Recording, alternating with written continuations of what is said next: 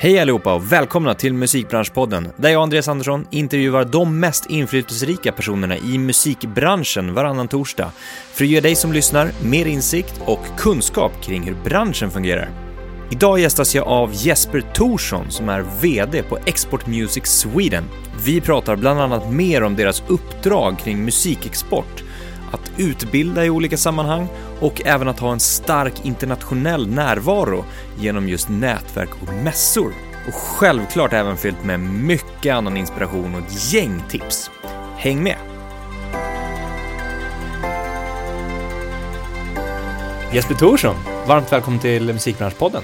Stort tack, härligt att vara här. Kul att ha dig här, äntligen. Ja, äntligen. Det Vi har några haft några så här mailvändor fram och Yes. tillbaka och försökt hitta en dag och... Absolut, Ja, men- vi, vi reser ju en del och sen eh, också så tyckte jag att eh, jag vill ha det här året lite färdigt innan vi ses. Mm. Och nu är det grymt bra. Ja, men det- Saker har fallit på plats. Är det så? Så vi kommer få höra lite så här vad som händer under året. Absolut, absolut. Spännande. Vi ska ju prata lite om ja, men det. Och, och du är ju VD på Export Music Sweden. Det stämmer. Och vi ska prata om vad ni gör för någonting. Ja, Vi snackade nu precis innan att så här, vad gör, det är så mycket organisationer där ute. det är Eh, lager på lager. Ja, och vad gör alla och vem tillhör vilken och så vidare och så vidare. Men eh, vi ska reda ut det. Bra, Ja. bra. Ja. Men nuvarande rollen, vad betyder den? Eh, VD på Export Music Sweden, bara sådär själva rollen i fråga. ja, det är precis som det låter. Jag är vd för Export Music Sweden. Vi är en eh, förhållandevis liten organisation. Eh, några stycken på kontoret och en hel del konsulter vi använder. Ägs av IFPI Samuelstim. Ehm, ja, där är jag nu. Jag tänker sådär, är du en väldigt, eh, om man bara tänker på dig som person och så, i, i hur du vill jobba, är du en väldigt ledande typ? Det tror jag. Och jag tror också att jag är en eh, person som gillar att bygga nytt. Liksom. Ja. Och det var ju det, det jag såg när eh, man gick ut med den här tjänsten. Att det fanns en möjlighet att gå in och, inte bara jag, självklart styrelsen hade ju redan börjat ett år innan jag började. Men, men att det fanns, eh, fanns en möjlighet att göra något riktigt bra Mm. av det här. Mm. Med det sagt så var det inte riktigt dåligt innan. Nej. nej. Ehm, men eh, det var nog dags för en förändring. All right. Och det var det som kändes som en... Det var den stora lockelsen. Jag var på Warner innan. Och eh, det här är faktiskt det första jobbet jag sökt. Sen mitt första jobb i musikbranschen. Mhm. Annars har man ju ringt liksom. Ja. Kan inte komma över. Ja, ja, precis. Du blev ju headhuntad mer. Mer så. Ja. Precis. Okej. Ehm, jag tänker också, du, som vi pratade om innan, du, ni reser ju väldigt mycket. Ja. Eh, och du träffar ju väldigt mycket folk.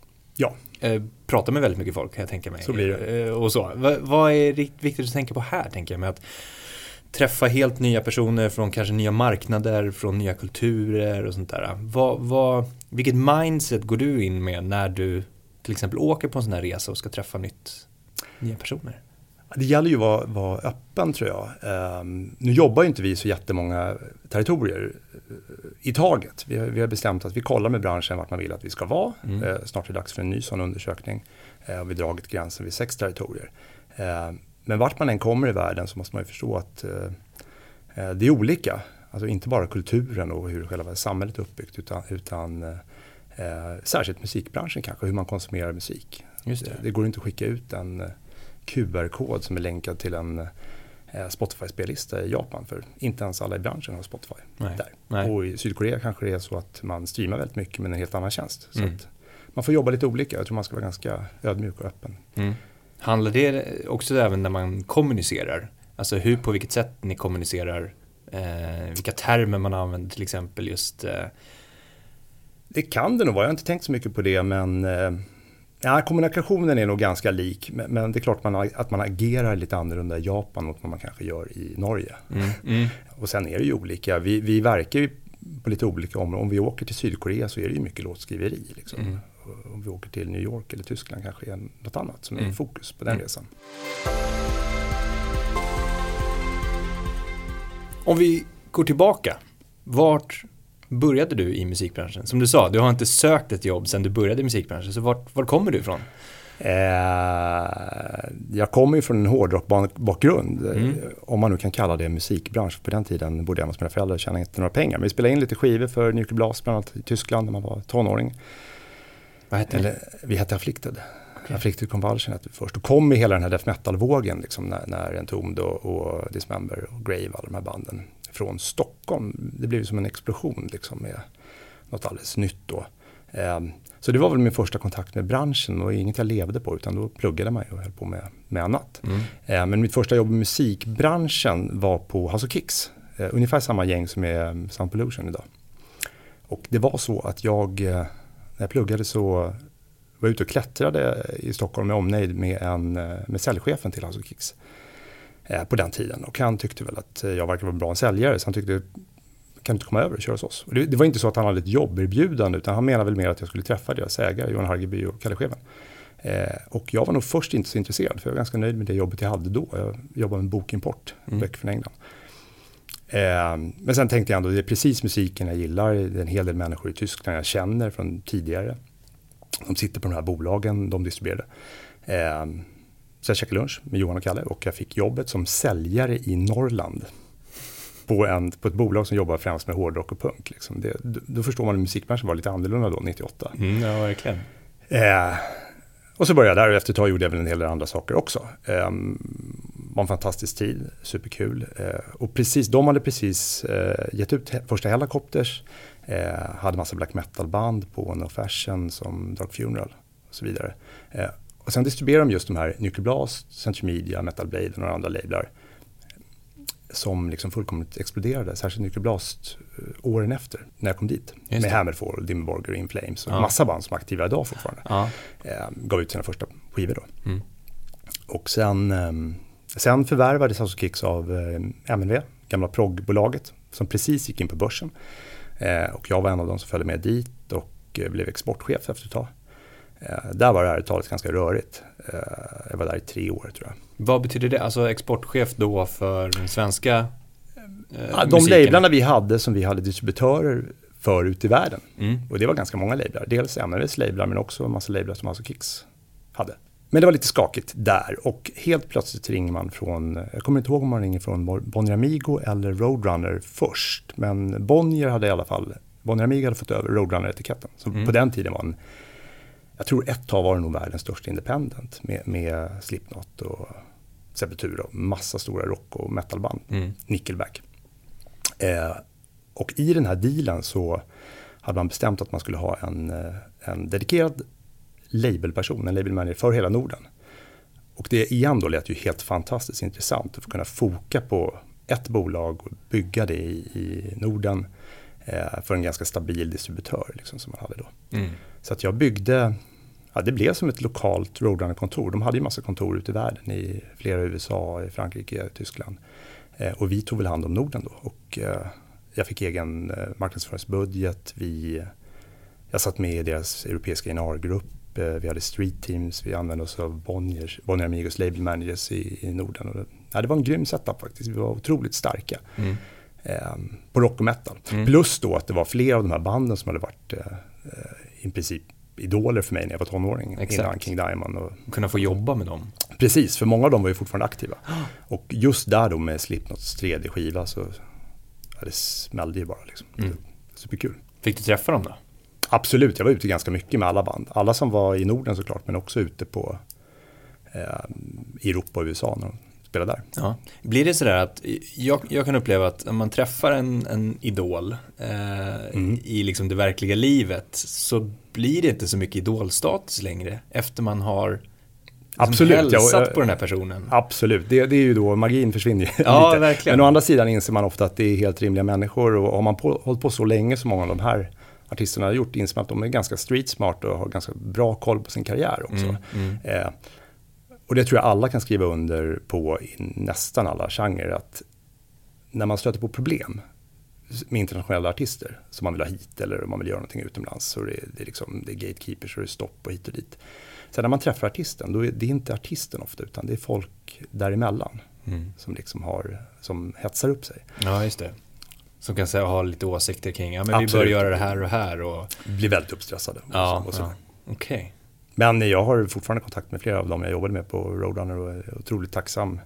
Eh, och även Bonnier Amigo såklart. Eh, lärde mig otroligt mycket under den tiden. Hur länge var du där? Det var nog fem år ungefär. Okay. Fem, sex år. Ah. Och sen ringde man igen då från Warner. Ah. Där man tyckte att eh, det fanns något som hette ADA, Alternative Distribution Alliance, i, eh, på massa platser i världen.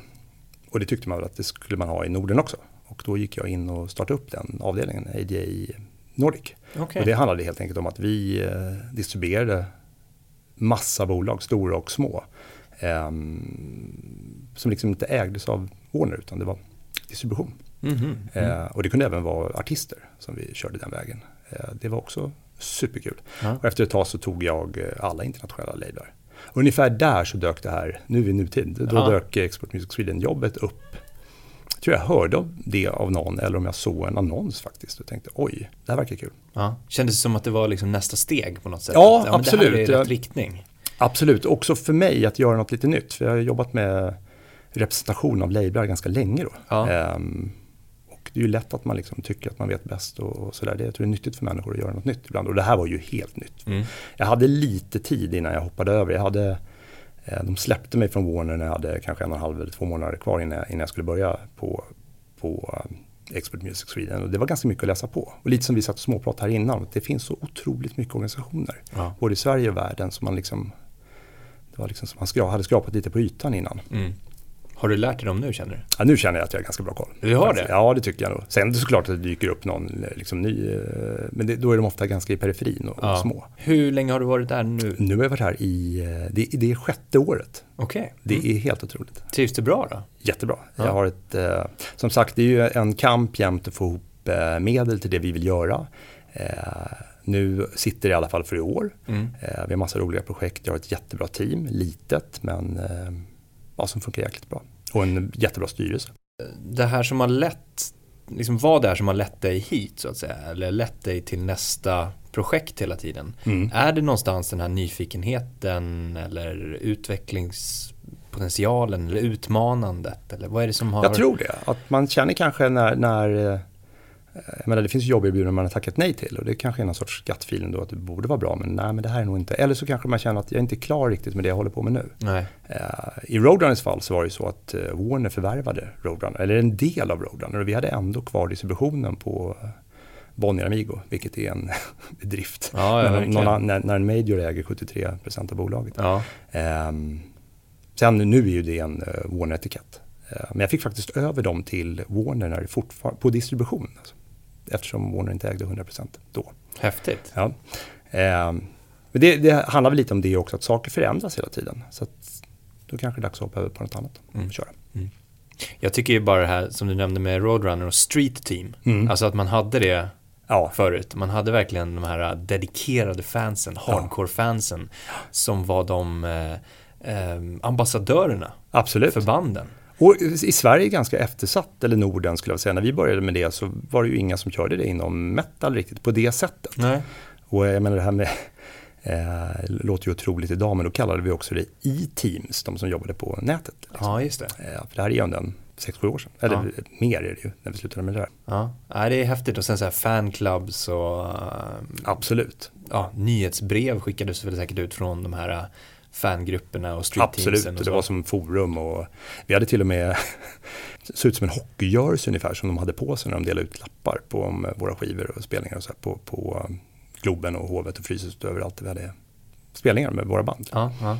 Tog ni på något sätt hand om dem? Alltså Ja, såg absolut. ni dem på något sätt? Ja, men vi, eh, vi såg ju till att vi hade ju crew call som vi kallar det liksom innan, innan en spelning och träffade dem. Och deras belöning var ju ofta att liksom träffa artisten och få mycket merchandise och eh, få höra musik före. Vi hade ibland eh, Säg att vi hade en förhandslyssning för press med Opet, någon ny platta, vi satt i någon studio. Då bjöd vi ofta in flera av de här, de bästa av de här liksom, som var med då. Det skulle jag tycka var jäkligt ballt i alla fall när jag var 16 år. Ja, verkligen. Eh, Och det är också en väg in och lära sig mer av branschen. Mm. Tycker du att det finns i samma utsträckning idag? Just när det har blivit ännu mer liksom, digitalt och onlinebaserat? Jag ser inte det så mycket idag. Jag tror att det är mer liksom influencers och tastemakers man använder. Mm. Eh, på gott och ont. Jag tror att man kan göra mycket i den fysiska världen också ute. Mm. Hur känner du själv att, liksom, om du tittar tillbaka på dig från eh, liksom, när du kom in där i branschen som eh, ung hårdrockare, kan vi kalla det för det? Ja, det kan man nog säga. Eh. Även om jag hade större ambitioner än så, säkert då. Ja, Men det, det är precis. där jag kommer ifrån. Absolut. Ja, till idag. Mm. Hur ser du att du har utvecklats som liksom, person och musikbranschperson? Ska jag säga, det, man samlar ju på sig massa erfarenheter. Mm. Eh, sen tror jag att man, eh, på grund av de här erfarenheterna och att man blir äldre, så får man lite mer skinn på näsan och man det gör inte så mycket när det stormar lite, uppfattar det som, så, som eh, när jag var 27 eller 30. Det, det är liksom, man vet att saker blåser förbi bara man fattar rätt beslut. Mm. Eh, och så, där. så det är väl en sak. Eh, sen tror jag att man blir mycket mer effektiv i eh, både att fatta beslut snabbt och i sitt arbete. Eh, och det tror jag beror på att i mitt fall så berodde det på att jag, jag älskar att jobba. Liksom, gå upp tidigt och jobba till sent var det mycket förut. Min fru jobbade ganska mycket också, eller min blivande fru. Man, eh, man kunde liksom sitta hemma eller på jobbet och pula med någon kampanj till sent för det var fantastiskt roligt. Eh, sen när man fick barn då är det, då är det dagishämtning och i Sverige hämtar vi ganska tidigt på dagis.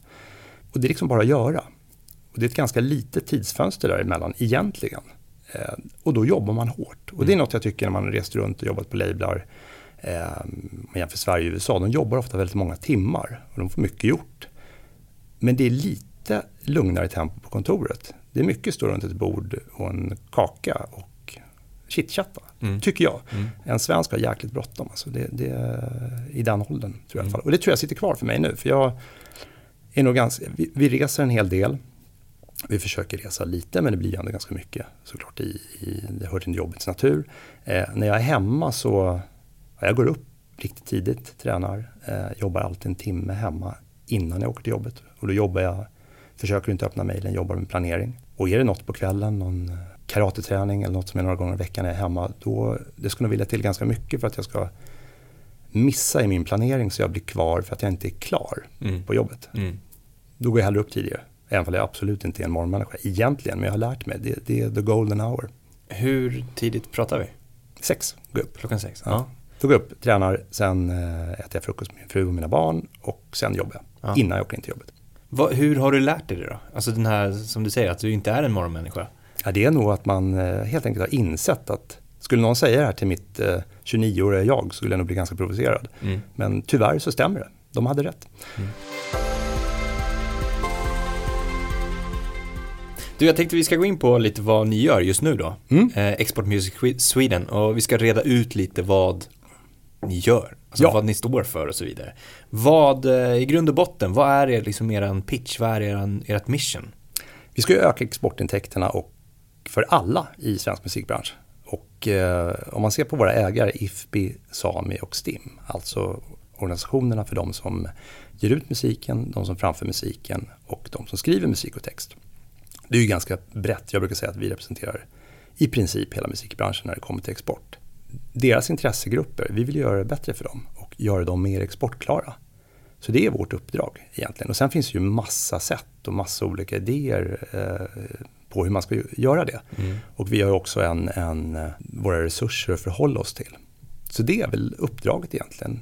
exportklarhet och öka exportintäkterna för alla i branschen. Från en major ner till musikern eller låtskrivaren som är helt independent. Just det.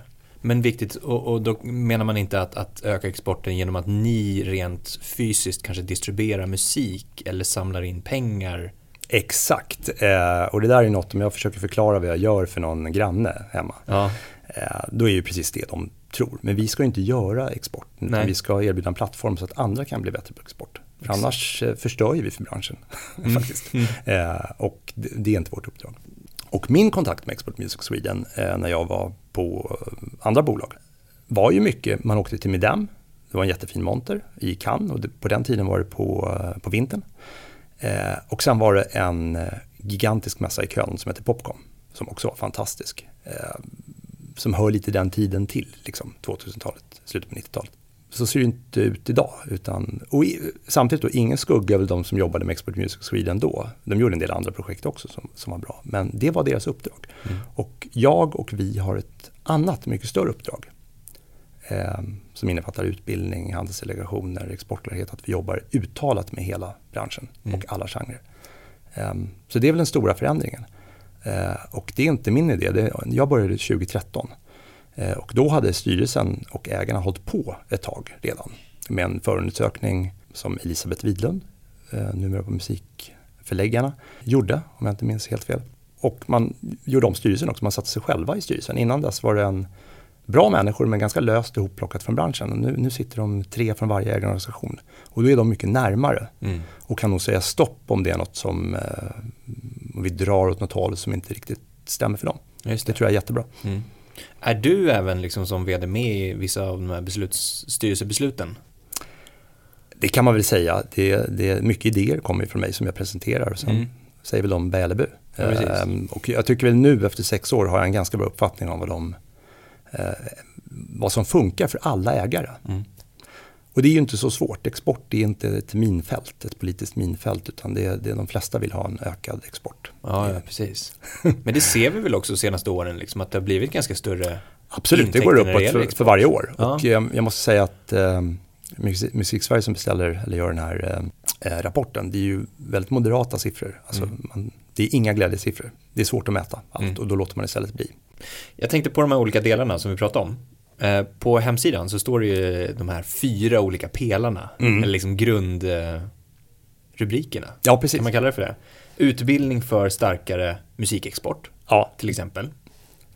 Um, och där har ni ju till exempel seminarier som ni brukar Precis, seminarieserien som är, eh, bortsett från handelsdelegationerna som vi kom igång med för några år sedan, är väl det, det är en av de bästa förändringarna vi gjorde efter jag kom in. Tycker mm. jag att vi, vi, istället för att åka iväg med massa människor, eller några få människor, beroende på vad man har råd med, eh, så flyger man in en eller några talare, experter på ett område och eh, sätter dem på Nalen eller någonstans i Umeå, Malmö, Göteborg och ser till att väldigt många människor i musikbranschen eh, nås av det här budskapet. Vi har haft upp till 400 på de här seminarierna. Mm.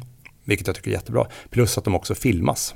Exakt. I princip alltid. Så att ja. Eh, man ska kunna bo i Norrlands inland och eh, följa oss mm. ändå. De har ju blivit jättepopulära. Ja, alltså bland, eh, speciellt bland studenter, bland eh, intresserade att liksom lära sig mer om musikbranschen, men också som du säger, de som faktiskt jobbar aktivt Absolut, jag, jag, efter varje seminarium när det är dags för uh, styrelsemöte så brukar jag alltid ta fram en tårtbit på vilka som var där. Mm. Och det, det, är ungefär uh, det är jämnt fördelat mellan egna företagare, anställda, musiker, producenter och studenter. Så mm. det är precis som vi vill ha det nu. Och så var det inte riktigt i början kanske. Då kunde det vara en större skevhet åt olika håll beroende på vad vi pratade om. Eh, sen tog det också ett tag att få dit eh, eh, genrer som, som, som kanske jazz och folk och värld och kontemporär eh, konstmusik. De, mm. de tyckte att ja, men det här är för den mer pop-sidan eh, av branschen. Ja. Medan det kan minst lika mycket för dem. Ja, och, eh, och, jag brukar säga att man, man, ska verkligen, har man tid, alltså jag förstår att man inte har tid att gå på våra seminarier hela tiden.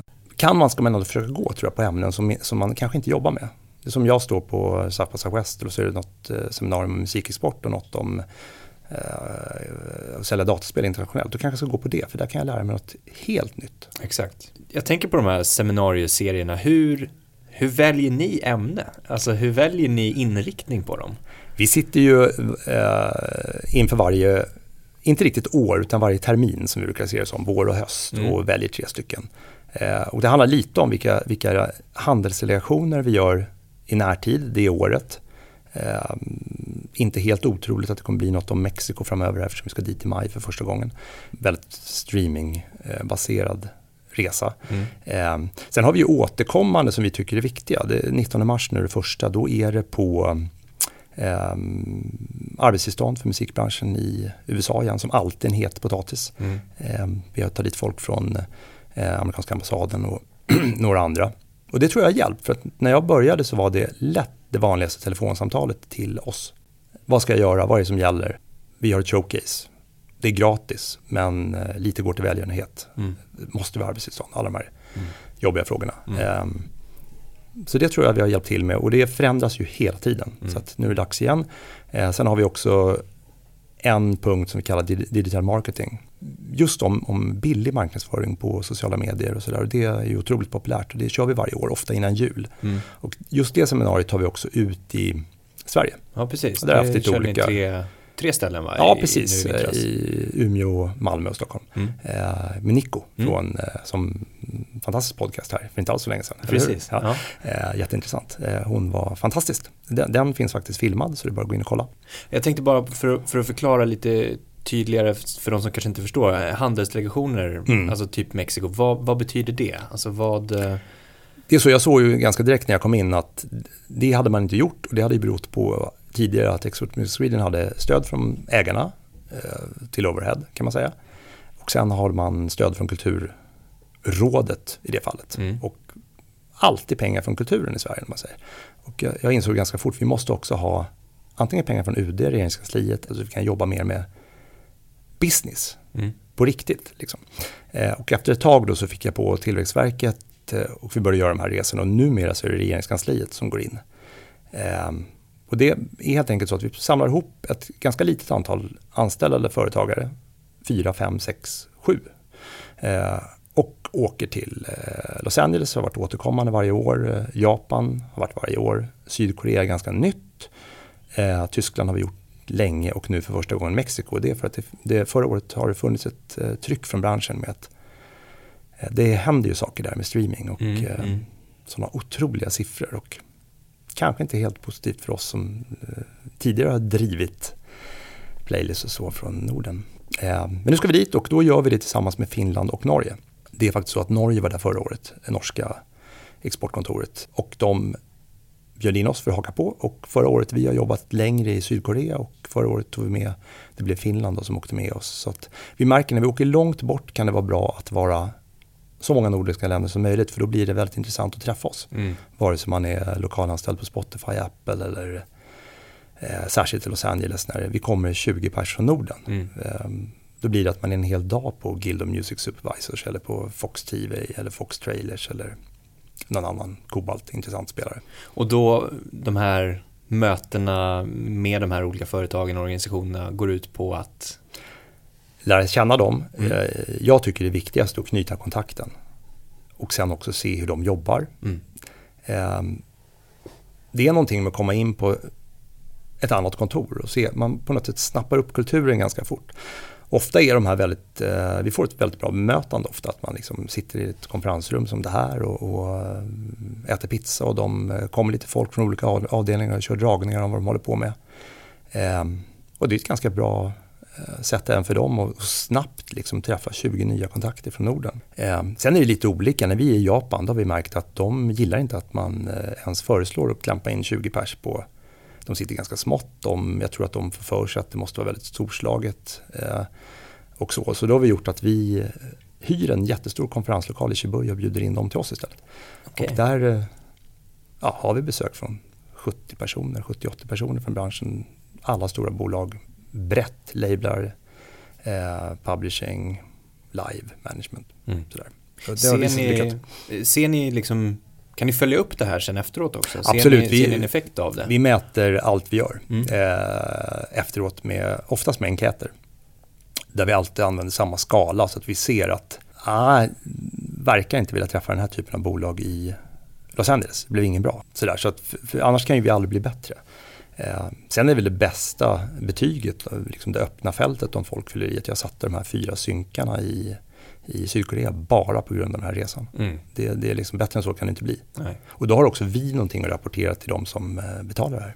Och sen om vi går vidare då. Eh, nu har, det, vi kommer ju in på lite de här grenarna ändå. Mm. Eh, mm. Men, men eh, stark internationell närvaro genom nätverk och mässor. Mm. Det var lite det vi var inne på mm. nu också. Och där har det ju verkligen förändrats. Alltså, om man säger när Export Music Sweden började var det ju några få stor, jättestora mässor. Mm. Eh, Midem var ju kanske fyra gånger så stor som den är idag, fem gånger så stor. Eh, nu är det mycket mer nischade mässor och konferenser så det är mycket svårare att välja. Mm. Det är självklart att vi ska vara på Reeperbahn och även Midem eftersom ett väldigt bra tillfälle att träffa Asien om inte annat för oss som har projekt där. Eh, men sen är det liksom, jobbar man med jazz då är jag kanske Jazz Ahead i Bremen varje år i april här. Eh, det rätta. Det är 2500 eller 3000 personer som bara jobbar med jazz. Det är liksom rakt in i vedboden. Mm. Eh, och där har vi alltid monter och så. Och, eh, samma sak med Amsterdam Dance Event eh, för EDM. Eh, Vomex för folk och världsmusik. Eh, jag kom hem för inte så länge sedan från Kanada från eh, Folk Alliance International. Som brukar vara i Kansas City men nu var i Montreal. Um, så det, det, är lite, det är inte helt lätt att navigera. Vi tittar lite på hur många svenskar som åker. Finns det behov av en monter för dem att ha möten i? Olika events och kanske matchmaking sessions som vi sätter ihop liksom för att pusha dem och träffa nya. Ehm, det har ju förändrats och blivit svårare. Det är många som hör av sig till oss. Vart ska jag åka? Jag håller på med det här. Mm. Det är inte helt lätt. Eh, South by nu om åker övermorgon. Jättebra om man har en bra plan. Kanske inte så bra om man åker dit på måfå, väldigt Nej. dyrt. Nej, precis. Så det är väldigt mycket förarbete kan jag tänka mig. Absolut. Boka absolut. upp möten, höra av sig till olika personer, Ja. organisationer och företag.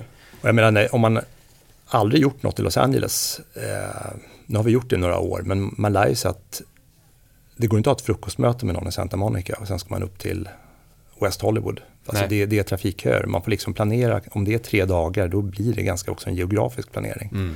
Ehm, samma sak om vi gör något i Seoul. Ehm, jätteviktigt att ha någon, sort, någon form av transport. Ehm, lite olika också ute i världen. Ofta så finns det väldigt bra konsulat och ambassader som vi jobbar med som har lokalanställda som är fantastiska på att fixa saker. Insamling och paketering av information är ju nästa punkt kan man kalla det. Ja, absolut. Och det är ju hemsidan Ja. eh, främst. Ehm, där har vi ganska djup information på de nordiska länderna eftersom vi gjorde ett uppdrag åt Musikverket för eh, några år sedan, två år sedan.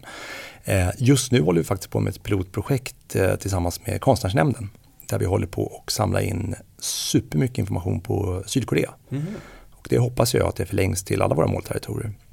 Och det kommer ligga på ett, vår, vi har en byrå i Örebro som vi jobbar med som håller på och lägger upp det på ett schysst sätt på eh, både vår hemsida och eh, Konstnärsnämndens hemsida framöver. Men det kommer ta ett tag. Eh, just nu är det informationen som ska in. Ja, precis. Eh, sen ska ju folk veta också att det finns ju sånt vi inte kan ha på hemsidan. Liksom kontakter till folk och sådär. Men vi har ett ganska stort internt register. Så man ska till Berlin eller Seoul eller Tokyo eller Los Angeles och eh, vill ha tag i någon viss typ av bransch där. Ring oss och kolla så kan vi förmodligen fixa fram någonting i alla fall så man kan börja. Det är ju grymt. Mm. Är Otroligt jättebra. uppskattat. Också Ja. något som vi började med för några år sedan, det, det är ju av ren självbevarelsedrift. För det kan ju vara någon som ringer att, och kollar med, till exempel bara vill få tag i någon på någon ambassad eller konsulat. Eller, och då blir det att, ja men jag kollade och ringer tillbaka så tar det en eller två dagar för att man är i stridens hetta med något annat. Nu är det liksom bara öppna det här registret och ge numret eller mejladressen direkt. Fantastiskt. Och det är ju Yes. någonting som är tack vare att ni har då jobbat Precis. eh, 97 med det här och, och eh, Jag har en in. konsult som får en ganska stor bunt med visitkort eh, som jag tycker är bra varje gång vi kommer hem. Ja. någonstans från. Härligt. Mm. Och den sista, stöd och bidrag. Ja, precis. Vi är ju, om man jämför med eh, Norge och Finland som har eh, ett otroligt mycket större stöd från staten till musikexport än vad vi har i Sverige. Ehm, så har inte vi möjlighet, eller vi bestämde ju ganska tidigt att vi betalar inte ut tour support. Vi har inte den, för då skulle inte vi göra något annat. Eh, vilket kan vara synd, men det finns ju andra i Sverige som gör det. Så vi på hemsidan om man går in och tittar på exportstöd så pekar vi på, på olika platser där man kan eh, söka det. Och det kan vara Kulturrådet och Kulturbyggarna och Musikverket. Och som företagare tycker man absolut ska liksom kolla upp Tillväxtverket och Vinnova för de har ofta projekt eh, som går i vissa perioder som passar med vad, vad man gör. Särskilt om man är nystartad. Mm, mm. Eh, och där tror jag att vi i, i alla fall inom pop och rock kan bli mycket bättre. Hur kommer det sig att, att Sverige inte har samma utsträckning som Norge då till exempel?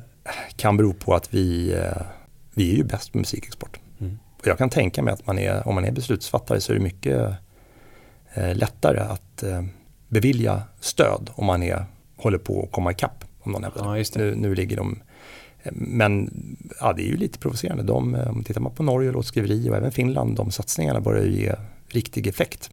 Vi har ett otroligt bra samarbete med Kulturrådet och, och eh, haft flera år med Musikverket och eh, regeringskansliet som är ganska nytt. Eh, som vi är otroligt tacksamma för. Och vi tycker att vi gör helt rätt saker. Vi vill bara få upp skalan lite. Mm. Eh, och det samarbetet är ju, handlar inte bara om pengar utan det är också utbyte av information och sådär. Eh, så vi är helt klart på rätt väg.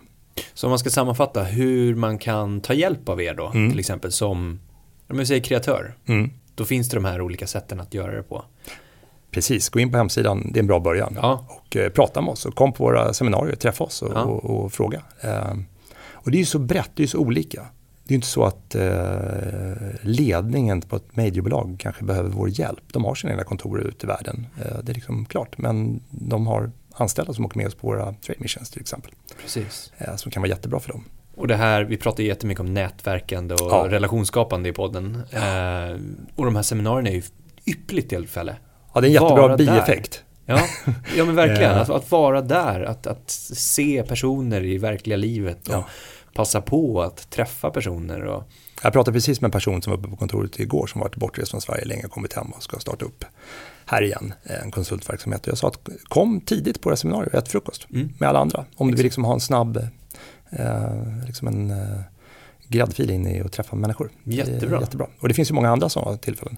Ett annat exempel med, med just nätverkande är ju de här eh, handelsselektionerna vi är ute på. Det, om vi åker till Japan så är det såklart att det är fokus, mm. få in vår musik där. Mm. Eh, men vi har sett eh, som en bieffekt då ett eh, nya samarbeten mellan de nordiska delegaterna som är med och hänger med varandra i flera dagar. Just det. Eh, och det är ju jättepositivt också. Ja. Det var absolut inget vi tänkte på när vi började med det här. Bra bieffekt helt mm. enkelt.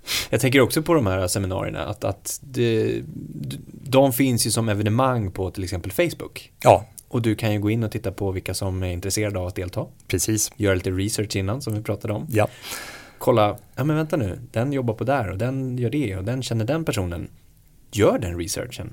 Ta dig dit, käka frukost med alla, nätverka och liksom bygg. Precis. Idag om man jämför, eh, säg att man är ganska nykläckt eh, och vill in i branschen. Mm. Eh, jag tror att det är mycket lättare idag. Alltså allt är ju öppet. Mm. Liksom 1992, vart började man? Man måste ju nästan känna någon eller stöta på någon. Mm.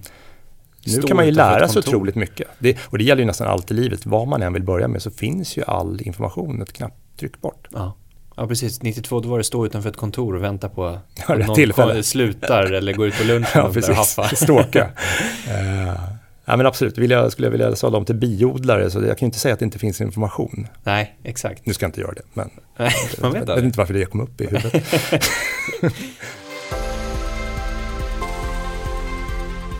Om vi går in på så här, kreatörssidan, vad är mm. viktigt att tänka på om man då vill exportera sin musik? Om man känner att så här, men Eh, den här musiken, antingen så, så är, är, svenska marknaden mättad, eh, jag behöver expandera eller att man kanske skriver musik som lämpar sig bättre för en helt annan marknad. Mm. Vad, vad tror du är viktigt att tänka på där? Jag tror, för det första har du en poäng med att vi, vi är ett litet land. Vi har växt ganska mycket i befolkning men vi är fortfarande 10 miljoner bara mm. i, i, Sverige.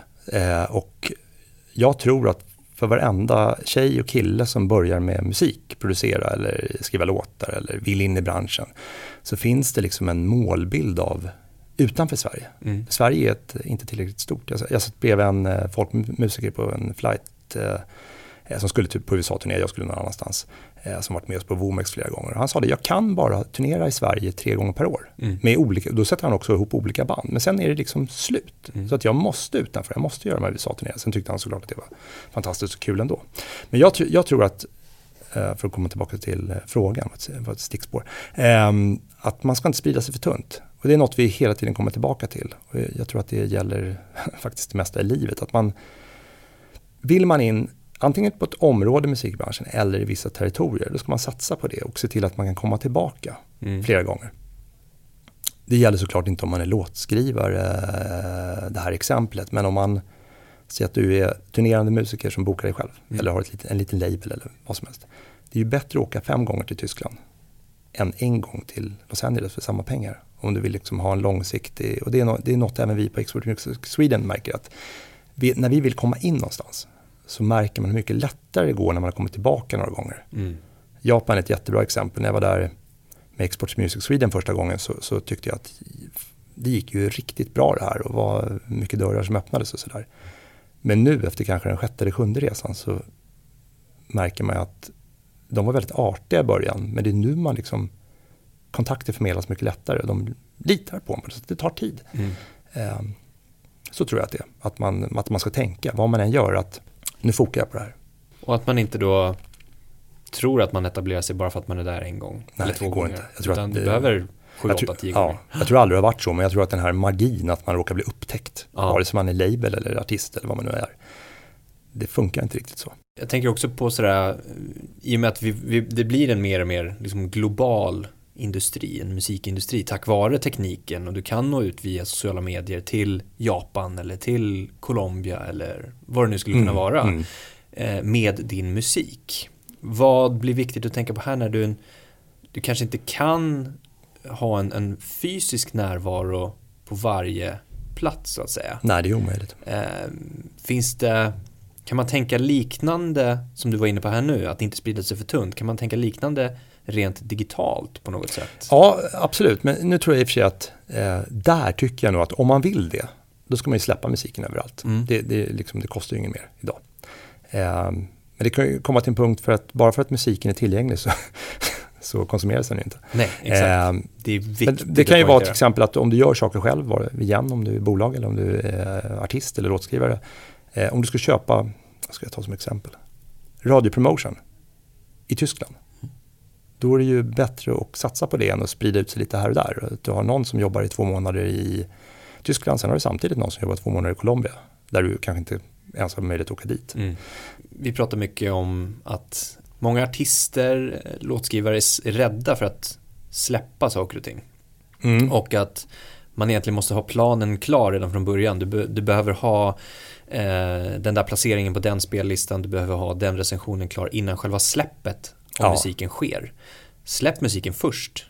Ha en plan absolut kring hur du ska bearbeta, men få ut den där och sen börja jobba det tror jag ofta är rätt idag. Ja. Förr i tiden var det kanske inte det. Nej. Ehm, det var ju mycket när man, särskilt kanske när jag var på Warner, när vi låg ganska före i streaming och man hade kollegor ute i världen som ofta ägde eh, eller satt på de här artisterna som kanske inte tyckte att man skulle göra så. Det, var, det, är liksom, det har ju varit ett skifte. Ja.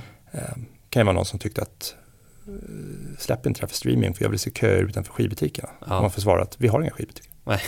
Så det, det har ju börjat komma ikapp nu, det börjar bli mer och mer likt i Europa i alla fall. Även om det fortfarande är väldigt olika om man tittar på Sverige och Tyskland eller ja, det finns många exempel. Ja men exakt och där är det bra att, att förstå sig på att alla marknader ser inte likadana ut. Nej. Och, och, vi i Sverige har en slags standard för att vi har 85% intäkter från streaming och inte fysisk försäljning och så vidare. Men kan ju se helt annorlunda ut. Och i Japan så är det inte riktigt men nästan tvärtom faktiskt ja. fortfarande. Ja. Um, sen ser man ju vartåt det går. Men det tar lite olika lång tid. Ja. Er roll här nu då, som, eh, som vi har varit inne på det lite grann, men har den förändrats eh, allt eftersom liksom, musikbranschen utvecklas också? Absolut, om man tittar innan min tid, eller innan man säger den nya organisationens tid, så, så absolut var vissa mässor man åkte på. Eh, musiken distribuerades primärt på en plastbit. Mm. Eh, konsumerades, distribuerades, fraktades runt eh, krossades, det som inte sålde. Eh, nu är det inte så, lite som jag var inne på tidigare, vi kan inte jobba likadant i varje land. Eh, det är en stor eh, skillnad såklart. Sen att vi jobbar mycket bredare då med de här olika delarna vi varit inne på. Och sen att liksom landskapet har förändrats. Det är helt annat. Det är som en egen industri nästan. Det måste man ju vara lite hela tiden ha i bakhuvudet. Att folk tjänar ju pengar på de här musikkonferenserna och musikmässorna. Det är absolut inget fel i det. Eh, men man ska inte tro att det är någon sorts välgörenhet utan man ska välja vilka man går in i om man är exportkontor som vi. Eh, och det har ju helt förändrats. Jag menar förut om man om hade en, en jazzlabel, klart att du skulle åka till Midam för där var hela Europa och där var alla dina distributörer. Idag kanske du inte behöver göra det för alla är på Jazz Ahead i Bremen. Och jobbar du med elektronisk dansmusik så är det ganska lätt att välja vart man ska vara i Europa, tycker jag. Mm. Då, då är det ett veckoslut i Amsterdam i oktober. Så att det har nog förändrats. Det är mycket, en mycket större palett, eller canvas. Va, va, om man tittar framåt nu då, från idag, hur tror du att det kommer att utvecklas, er roll? Ja, den fortsätter nog utvecklas eftersom branschen förändras. Eh, jag tror vi kommer att se mycket nya typer av bolag, eh, ännu mer kanske joint ventures, helt andra kontrakt. Jag vet fort, jag, idag, jag, kan inte, jag tror att det är någon tidigare i podden som varit inne på faktiskt, men jag kan inte säga vad ett standardartistavtal är idag. Nej. Hade du frågat mig 2008 så kanske jag inte hade haft det rätt men jag hade i alla fall haft en idé liksom, vad jag tycker ska vara med. Så, så är det ju inte idag. Nej. Och det tror jag kommer gå ännu mer åt det hållet och, och, förmodligen en hel del nya streamingtjänster och kanske kartan kommer ritas om lite och då förändras ju även vårt sätt att jobba. Eh, sen hoppas ju jag och tror att eh, vi framöver kommer, kommer kunna ha mer resurser och då eh, en av de förändringarna vi vill göra är väl att vi eh, ska fortsätta med vår stora breda seminarieserie som lockar väldigt mycket publik. Men vi kanske också ska göra mindre utbildningar eh, eller mer nischade för färre personer men som ger mer effekt på vissa områden. Eh, det, det, hör vi ofta att det finns ett behov för det. Mm. Att vi samlar 20 personer och pratar, tar in någon som bara pratar om det här ämnet. Just det. Eh, och det behöver inte vara företag, det kan vara för musiker som har egna bolag eller musiker som är kontrakterade till någon också mm. och låtskrivare. Härligt, och så ni hoppas på en bredare roll, att ni får en mer betydande roll, alltså en, en större roll också? Jag tror att vi är, det vi gör nu, formulan för Export Music Sweden, det är helt rätt. Det, det är liksom, vi har hittat mm. rätt. Vi behöver egentligen bara skala upp den så vi kan göra mer och nå ut till fler människor och eh, hjälpa mer människor att bli mer exportklara. Mm. Eh, och jag menar, om inte jag trodde det, att vi skulle lyckas med det, då borde inte jag jobba med det här, eller hur? Nej. ja, men jag tror det, jag tror att eh, det är på gång och det kan vara, det måste inte vara statligt stöd, det kan vara sponsorer också. Mm. Sådär, som vi också jobbar med idag, en hel del, men i lite mindre skala. Mm. Och när ni är ute, vi, du var inne lite på det så här, men vi, vi jobbar med enkäter och ut, mm. undersökningar och utvärderingar och sånt där. Men vilken, vilken slags feedback är det ni får? Att, eh, alltså både från de som kanske hänger med på de här resorna eh, till de som är med på seminarierna. Och vilken respons får ni? Vi får, eh, tycker jag, otroligt bra respons. Eh, vi ser ganska snabbt om det är något som inte funkar. Eh, särskilt på ett kanske ett visst block på en delegationsresa att det här tyckte inte folk var så bra och då var det ofta inte så bra heller. Seminarierna är egentligen genomgående bra feedback. Eh, Eh, väldigt högt på handelsdelegationer också. Eh, mässmontrar eh, bra. Det är klart att folk alltid vill ha mer. Mm. Menar, det är många som säkert tycker att vi skulle betala hela resan men det så funkar mm. inte. Eh, så mestadels bra, men den bästa feedbacken är just den här liksom individuella som man kanske inte kan mäta på en skala utan när någon ringer upp eller dra, ofta att man får ett mejl att nu satt, ofta från förlag faktiskt, nu satte jag de här synkarna här det var tack för, för den här resan eller att vi hittade den här nya distributören.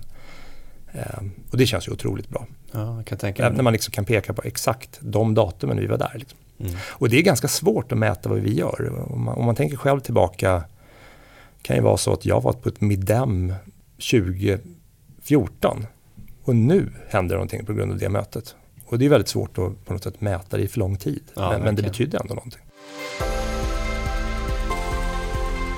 Du, jag tänkte vi ska prata lite mer musikbransch överlag. Vi har ju pratat mm. musik, alltså det är ju en del av musikbranschen, men, men eh, att vi kanske mer detaljerat går in på den. Och tycker du att musikbranschen ser rättvis ut för att använda ett väldigt liksom, stort begrepp? Och i så fall för vem ser den rättvis ut? Jättestor och svår eh, fråga och eh, jag kanske inte riktigt rätt person att svara på den heller. Men det är klart att det går väldigt bra för många i vår bransch. Särskilt om man jämför med liksom de, det låter bättre på engelska, the dark ages, när man hade ganska många kollegor som fick eh, sluta och eh, man kunde inte gå på en middag utan liksom stöta på människor som annars hade ganska rimliga åsikter men tyckte att musik skulle vara gratis på nätet. Mm. Och vi hade också ganska många politiker som fortfarande verksamma men tyckte liksom att det där får ni, ni får klara er själva, det ska vara gratis.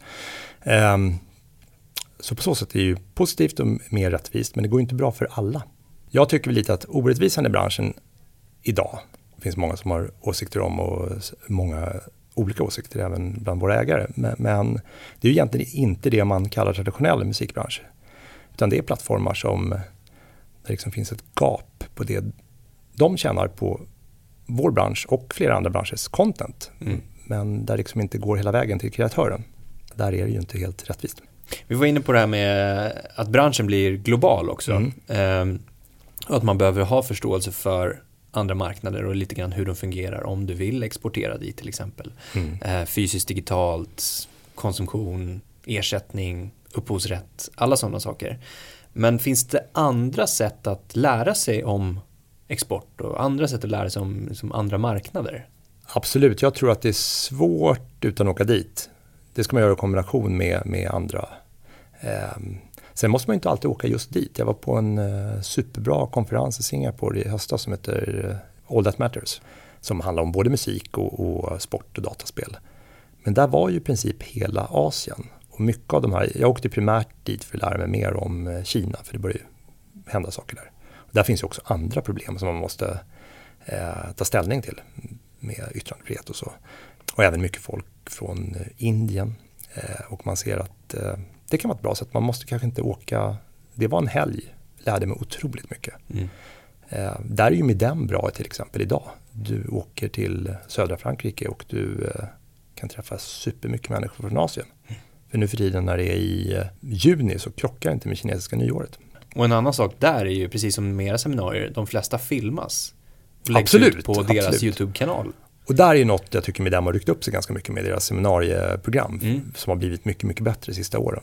Eh, relevant. Liksom. Så där kan man ju själv som eh, kreatör eller eh, branschperson här hemma i Sverige, om man inte har möjligheten att åka dit, ändå liksom inhämta kunskap. Absolut, det finns mycket kunskap på att hitta. Vad man, Mm. Och man behöver inte söka så mycket heller. Exakt.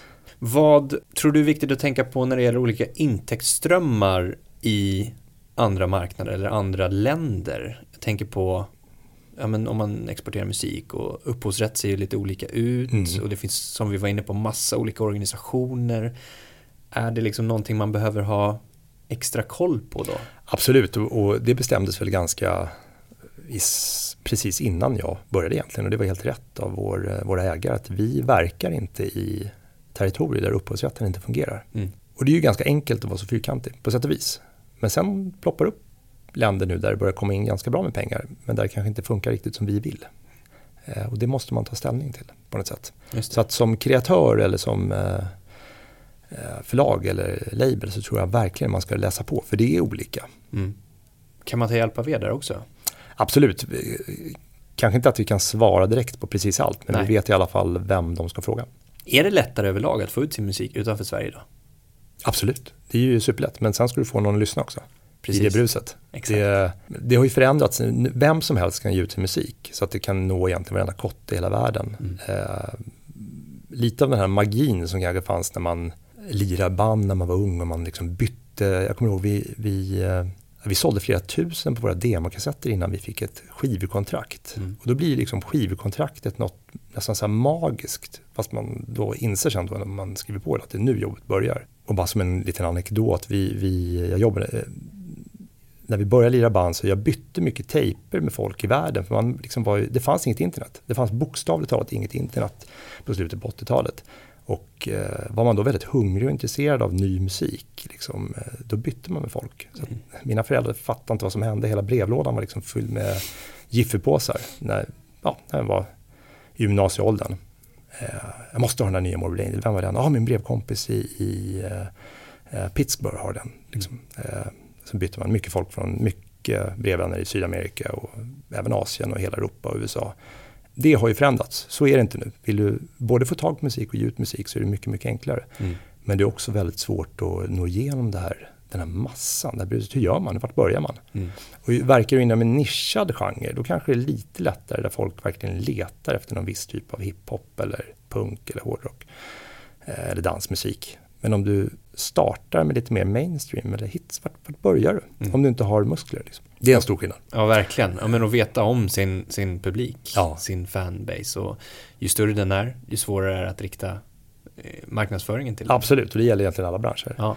Men det, det var ju något skifte där, kommer jag ihåg, när jag jobbade med, jag tror det var, jag pratade mycket om det på Warner när vi började ut Bruno Mars. Att liksom vi, folk älskade låtarna men de kopplade i början inte riktigt dem till artisten. Mm. Varje singel var som en början på nytt. Exakt. Eh, för det var en liten, liten thumbnail på Spotify. Liksom. Vem är det här?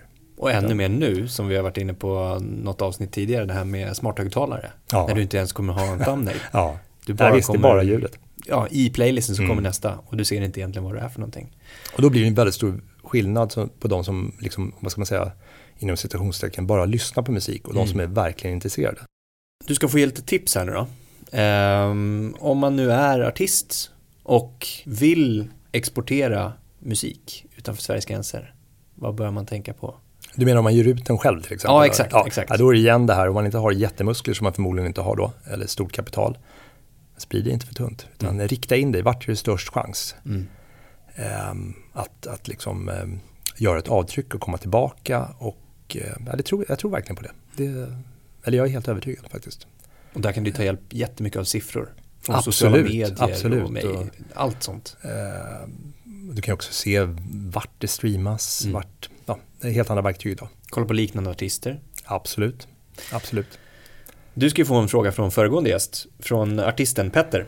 Ja, vad coolt. Ja. Han eh, frågar ju egentligen, eh, tänkte som till en kreatör i det här fallet då, men vi, vi, vi ställer frågan på ett annat sätt. Så hur långt fram i tiden planerar du dina projekt, eller liksom Export Music Swedens projekt blir det i det här fallet då? Alltså det, är ju, det, är ju ganska, det handlar om ett år framåt ofta. Mm. Eh, men det är inte alltid så att vi kan boka på allting. Snart är South Southwest i mars, mitten på mars. Eh, det bokade jag på den första augusti. För då släpper de eh, badgen.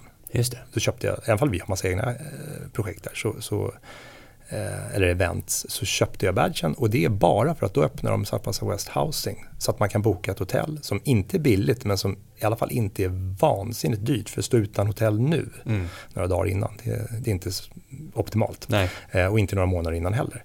Eh, och då är det ju inte bestämt vad vi ska göra på by Southwest än. Eh, nu är det det. Eh, men om man ser på Expo Sweden på året så kanske vi inte bokar så tid för det vågar vi inte riktigt göra eftersom budgeten inte är klar. Budgeten för i år blev klar nu, liksom för någon vecka sedan. Eh, men däremot planerar vi allting. Vi vet att vi ska göra Jazzhead, vi vet att vi ska till Mexiko, vi vet att vi ska till Los Angeles nu i april. Eh, vi vet att vi ska till eh, eh några av nedslagen i höst, Japan, Sydkorea. Eh, vi vet att vi ska göra minst sex seminarier. Ja, men det bokas inte på. Det Nej. ligger liksom i, vi har en jättestor sån här vit eh, tavla på kontoret som jag tror den är tre meter lång. Jag köpte den största som eh, man kunde köpa. Där Mm. sitter post-it-loppar med alla projekt. Okej. Så man ser lite också hur året är. Flödet ser Ja. ut liksom på något sätt. Ja. Eh, jag tror det passar mig och de jag jobbar med ganska bra och liksom visualisera. De Mm. är också olika färger för olika typer av projekt. Så ja, upp till ett år, skiss och sen när man börjar närma sig mm, Jazzed-mässan till exempel, slutet på eh, april, den är ju helt klar. Ja. Det är allt, matchmaking, hur exakt hur monten ska se ut. Eh, allt är liksom färdigt, rabatter till folk som vill åka med oss och sådär. Det är fixat. Så eh, vi var inne på det i början på podden. Mm. Hur kommer året se ut? Nu är liksom projekten satta. Du var inne på det här lite grann. Är det någonting mer spännande som kommer hända eller? Absolut, det är ju för det första Mexiko är vi otroligt laddade för eftersom det är första gången och också funnits ett litet tryck från branschen att ni måste ko- kolla vad som händer där. Liksom. Eh, inte helt färdigt vilka som åker med oss men de namnen, eh, det kommer bli en superbra eh, delegation. Eh, massa härliga människor som har sökt. Sen framåt hösten så är det liksom Sydkorea är något som blir bättre och bättre för varje år. Vi har varit där tre gånger nu. Eh, det tror jag jättemycket på och även några nya seminarieämnen som kommer komma upp. Kul. Eh, sen är det en diskussion i, i styrelsen hur vi gör med Kina till Mm. exempel. Eh, det är ett ganska, eh, jag ska inte säga tryck, men vi, hör mycket från särskilt förlagen att, och låtskrivare att vi borde göra någonting där. Mm. Men sen finns det andra saker som gör det komplicerat. Härligt. Så om man är mer nyfiken så finns ju mycket på hemsidan. Gå in på hemsidan och det, det som jag brukar säga när jag är ute och pratar på eh, organisationer och företag, alltid. Eh, skriv upp er för nyhetsmejlet. Mm. Eh, vi spammar inte, det kommer ungefär en gång i månaden och så kanske någon gång däremellan är det någon sån här panik. Eh, eller panik, det är sällan det, men att ansök till det här seminariet nu eller Mm. anmäla er eller ansök till Trade Mission. Eh, det är det bästa, för om man bara ögn, jag vet hur mycket folk har att göra. Mm. Ögna bara igenom det. Ja. Så kanske man säger så här, berör inte mig, berör inte mig, berör inte mig. Oj, Trade Mission till Japan, jag måste åka med. Ja. Ehm, det är det bästa sättet. Jag, jag förstår att hur mycket vi än bygger ut hemsidan, folk har inte tid att vara där inne hela tiden. Och vi kan inte bestämma exakt vilka vi når ju på Facebook eller Instagram. Mm. Så nyhetsmejlet, det kommer alltid fram. Eller hamnar i spamfiltret. Kolla det. Precis. Ja, det är bra, bra Mm. nyttig information. Yes. Du ska få ställa en fråga till nästa gäst. Ja. Vad vill du ställa eh, för fråga då? Jo, eh, jag stöter ju på mycket människor i branschen när jag är ute. Och eh, gemensamt kan jag säga att alla har väldigt mycket att göra. Det, det, det man har oftast positivt, men mycket att göra. Och min fråga då till nästa, oavsett vem det är, är vad är den enskilt bästa förändringen du gjort för att förbättra din personliga eller ditt teams effektivitet? Det tycker jag alltid det är något man själv hela tiden försöker utveckla och eh, det bästa sättet att bli bättre på det oavsett om det handlar om att gå upp eh, tidigt eller eh, vilken ordning man gör saker det är ofta liksom man får inspiration och hör det från andra. Mm. Det är ofta väldigt bra eh, erfarenheter andra har som man kan ta till sig. Så kan man plocka liksom olika delar av de bästa och bygga upp sitt, sitt eget eh, sätt att jobba på. Jesper, ett stort tack för eh, trevligt samtal. Tack för att vi kom hit och att vi äntligen hittade en tid. Eller hur? Ja. Och lycka till med alla projekt och, och konferenser och resor i år. Stort tack för det. Stort, stort tack för att du har lyssnat och har du tagit igenom dig hela avsnittet så betyder det att du är viktig för oss. Vi vill jättegärna ha din åsikt, vilka ämnen är du mest intresserad av? Vilka personer skulle du vilja höra i podden? Vad är dina utmaningar? Kan vi hjälpa dig på något sätt? Hör av dig till oss eller direkt till mig på andreas at dmgeducation.se så hörs vi av. Ha en fortsatt härlig dag.